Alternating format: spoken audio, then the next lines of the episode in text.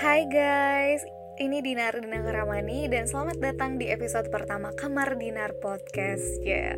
makasih banyak udah mau main-main ke Kamar Dinar karena akhirnya dengan ini aku harap kita bisa jadi lebih dekat kan.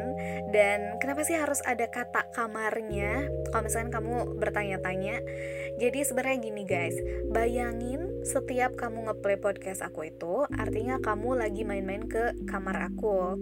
Dan kenapa? Karena menurut aku kamar itu adalah tempat atau ruangan paling private mau itu di rumah mau itu di kosan atau di mana pun gitu dan banyak banget cerita-cerita pribadi yang muncul di kamar dan cerita itu macam-macam kayak soal kehidupan, cerita soal kenangan, cita-cita dan segala macam termasuk nih kalau misalkan aku karena aku adalah salah satu orang atau salah satu kaum rebahan uh, apa namanya kayak kamar tuh jadi tempat aku untuk memperjuangkan tesis, skripsi, tugas sekolah dan semuanya pokoknya. Jadi semua bisa terjadi di kamar dinner ini.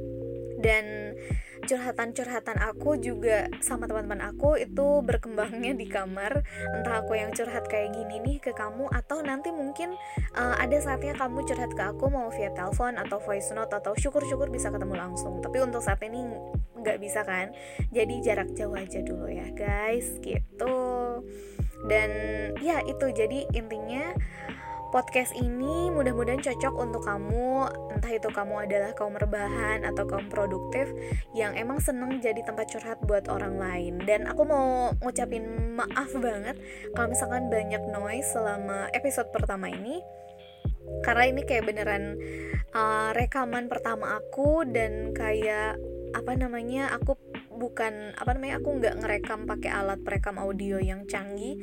Ini beneran pakai handphone doang jadi uh, terus nanti uh, mungkin proses editingnya aku juga gak akan yang gimana gimana banget. Jadi episode satu ini kayak beneran masih pure banget nggak ada editan sama sekali gitu.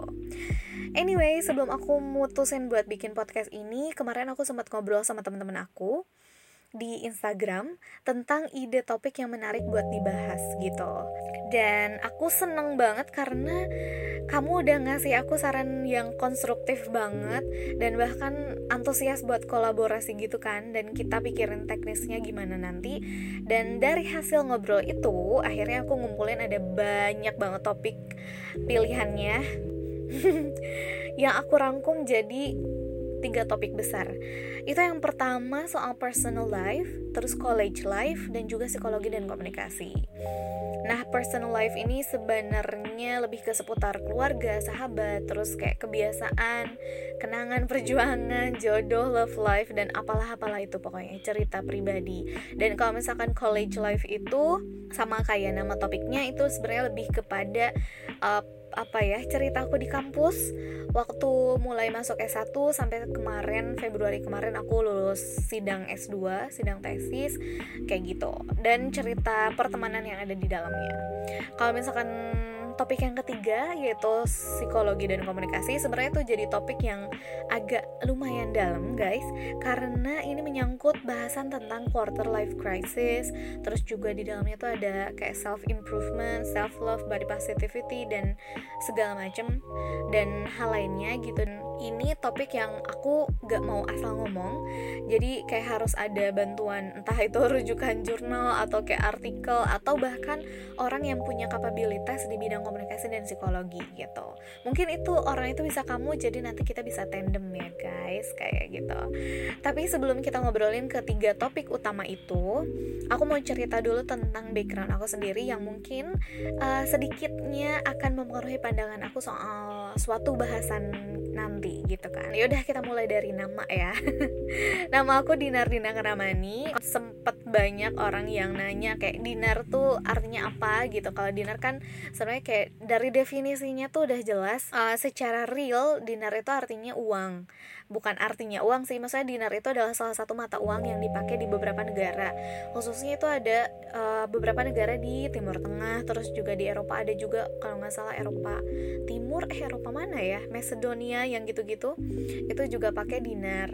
Itu sebenarnya dari uh, dinar itu apa ya? Tapi kalau misalkan dari secara spesifik dari mama aku dinar itu sebenarnya adalah salah satu ayat gitu guys. Ya jadi ngomongin spiritual ya. Jadi itu adalah salah satu ayat uh, di Al-Quran ada ada namanya ayat seribu dinar. Nah katanya mama aku tuh waktu hamil aku tuh dia sering banget bacain itu gitu. Dan alhamdulillah proses persalinannya lancar dan segala macem lah gitu. Dan kepercayaan kepercayaan yang ada di dalamnya gitu. Jadi dinar yang dimaksud yang ada di nama aku itu tuh kayak gitu. Dan ini nih yang mungkin agak sedikit jarang uh, kalian dengar atau jarang kamu dengar itu Dina Karamaninya itu apa? Mungkin kalau Dina itu nggak nggak asing lah ya gitu. Tapi Karamaninya itu apa? Nah sebenarnya aku dapat cerita dari papa aku kalau misalnya Dina Karamani itu dia dapat dari uh, bahasa Sanskrit katanya gitu. Jadi artinya itu anak cewek yang lahir pas gerhana matahari. Gak tahu itu bener atau enggak, tapi ya sudah percaya aja sama papa. Jadi uh, kebetulan waktu aku lahir, itu emang bertepatan sama gerhana matahari guys gitu. Jadi anaknya bulat-bulat gitu kayak matahari. Um, dan kalau misalnya nggak percaya boleh googling. Itu tanggal 24 Oktober 95 siang-siangnya itu ada gerhana matahari. Nah itu kenapa nama aku ada Dina Karamaninya gitu. Dan ya kayak gitu. Uh, ngomongin soal asal usul aku cie asal usul maksudnya ini biar kak biar kamu tahu aja ya sebenarnya ini yang lagi ngomong tuh siapa sih gitu kan. Uh, aku sebenarnya lahir di Bandung tapi karena eh iya maksudnya aku lahir di Bandung karena waktu itu papa sama mama aku tuh emang ketemunya di Bandung. Mama aku aslinya Tasik papa aku aslinya Cikampek terus kuliah bareng mereka di Bandung terus ketemu jatuh cinta dan akhirnya nikah uh, terus punya dua anak. Yang pertama itu kakakku cowok yang kedua itu aku. Tapi ya gitu karena ada satu dan lain hal uh, akhirnya mereka memutuskan untuk pisah. Jadi waktu aku umur satu tahun kalau nggak salah kayaknya um, kurang dari satu tahun aku akhirnya ikut ke mama ke Tasik dan kakakku ikut stay sama papa di Bandung gitu. Tapi sejak kakakku kelas 5 SD akhirnya dia bareng sama mama aku dan sama aku juga di Tasik gitu. Dan singkat cerita kalau misalkan kehidupan aku dari bayi sampai sekarang itu kayak gimana ya alhamdulillah bahagia guys. Aku ngabisin waktu eh, banyak banget sama keluarga mama aku termasuk termasuk juga almarhum kakek aku yang meninggal berapa tahun yang lalu ya? Tiga tahun yang lalu 2017 lalu. Jadi dia tuh kayak um, um, apa ya kalau misalnya di film tuh kayak supporting actornya gitu kayak pendukung peran ayah gitu. Jadi beliau emang bukan pengganti ya jadi kayak lebih ke pendukung aja gitu. Dan selain apa namanya aku deket sama almarhum kakek juga aku dibesarin di tengah-tengah keluarga besar. Keluarga besar mama itu kayak ada bibi ada uwa. Kalau Sunda tuh kan kayak gitu ada uwa ada bibi ada emang dan segala macam dan mereka sangat support sekali ikut membesarkan aku cek dari aku kecil sampai sekarang. Uh, kalau misalnya nama kerennya tuh kayak anak tipe kayak aku tuh kan biasanya memang dibesarkan sama extended family ya kayak keluarga besar gitu. Dan kebetulan keluarga besar aku keluarga besar mama aku tuh emang semuanya Sunda jadi nggak ada mix mixnya sama sekali. Sunda jadi kayak Sunda Tasik dan Sunda Sumedang gitu karena kakek aku dari Sumedang. Jadi kayak kebayang lah mungkin ya personality aku tuh kayak gimana sedikit banyaknya tuh pasti dipengaruhin sama lingkungan keluarga aku juga gitu. Meskipun nggak plek-plek terpengaruhi tapi mungkin ada sedikitnya uh, apa namanya pengaruhnya dikit gitu guys. Itu gambaran aku dari segi keluarga dan juga suku budaya. Biar nanti mungkin kalau misalnya ada satu topik uh, terus aku punya perspektif A itu bisa jadi melenceng banget dari background aku atau bahkan bisa inline sama background aku kayak gitu. Terus apa lagi ya? Oh ya sekolah kalau misalnya sekolah aku dari SD sampai SMA itu aku di Tasik uh, dan waktu aku kuliah S1 sama S2 aku memutuskan untuk apa namanya lanjut kuliah di Bandung. Kalau orang sini taunya aku kuliah di Bandung padahal aku kuliahnya di Jatinangor Sumedang. Sumedang lagi ya uh, di mana itu adalah tempat asal kakek aku gitu. Jadi sebenarnya emang pabelit gitu. Aduh ada suara ayam kedengeran gak ya? Udah lah ya. Guys pokoknya ada suara apa pun tolong nikmati karena emang aku nggak akan edit ya. Um, terus apa lagi? Uh, oh iya. Kalau misalkan dibilang apa namanya kalau misalkan ditanya bidang apa yang aku ambil di S1 dan S2 sebenarnya aku ngambil komunikasi guys ya. Jadi kalau misalkan dari kecil aku emang seneng banget sama dunia komunikasi cuman emang sampai sekarang belum kesampaian jadi profesional di bidang komunikasi. Entah entah jadi pra praktisi atau jadi akademisi emang belum tercapai. Mudah-mudahan dalam waktu dekat ini amin. Amin ya uh, apalagi? Oh ya kayak gitu. Dan sebenarnya ini aku mau cerita sebenarnya kenapa sih aku tertarik sama dunia komunikasi? Termasuk ini podcast juga kan salah satu bidang komunikasi yang menurut aku.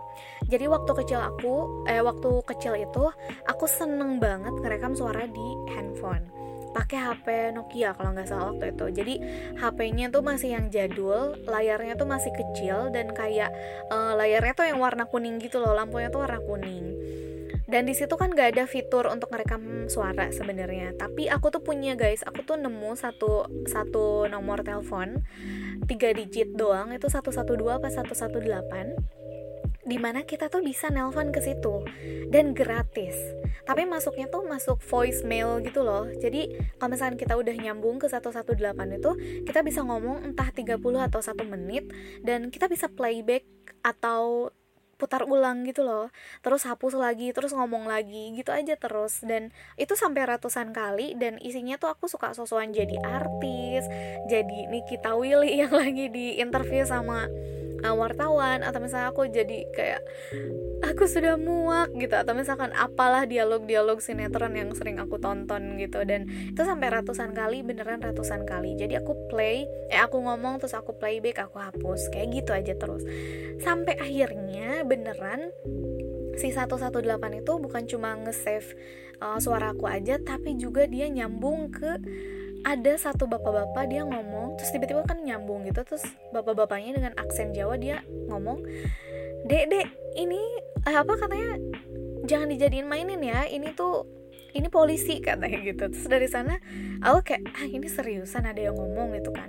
Nah padahal dari sana tuh aku nggak kapok tapi kayak terus-terusan aja diulangin lagi diulangin lagi aku ngerekam lagi terus aku playback lagi dan aku hapus lagi dan banyak banget itu kayak aku SD kelas berapa kelas 4 mungkin ya.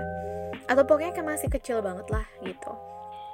Nah dari situ uh, karena memang seiring dengan berjalannya pengetahuan yang aku dapet ya.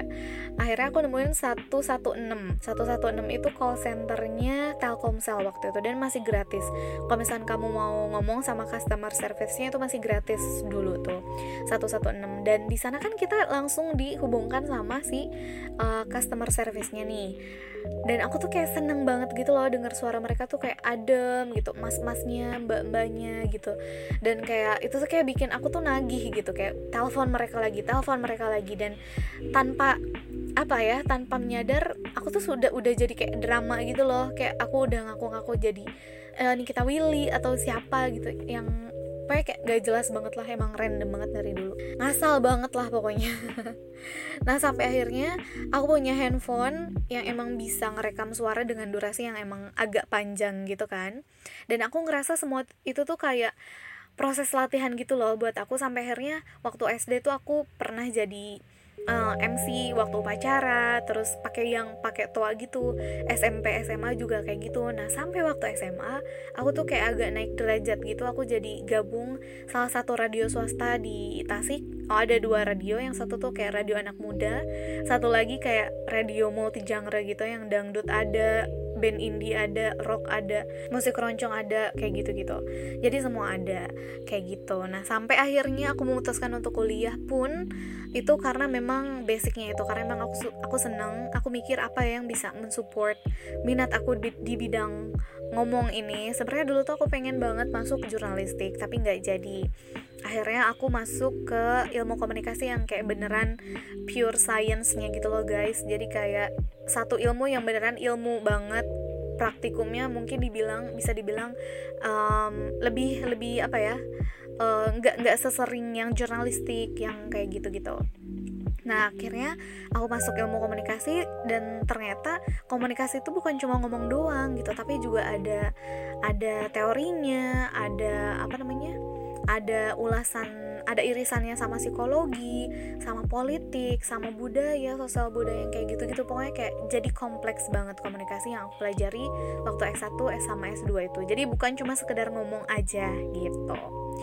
Dan waktu aku kuliah juga aku sen aku sempat karena emang aku nggak nggak jadi masuk jurnalistik kan jadi hari aku nyari tuh kayak kegiatan apa ya yang bisa menyalurkan uh, maksudnya yang bisa aku pakai untuk menyalurkan hobi aku ngomong ini akhirnya aku gabung ke radio kampus sekarang juga masih ada namanya radio unpad atau unpad unpad radio di sana aku ketemu sama banyak teman-teman yang emang punya passion yang sama di bidang broadcasting tapi nggak bisa belum bisa menjadi professional announcer.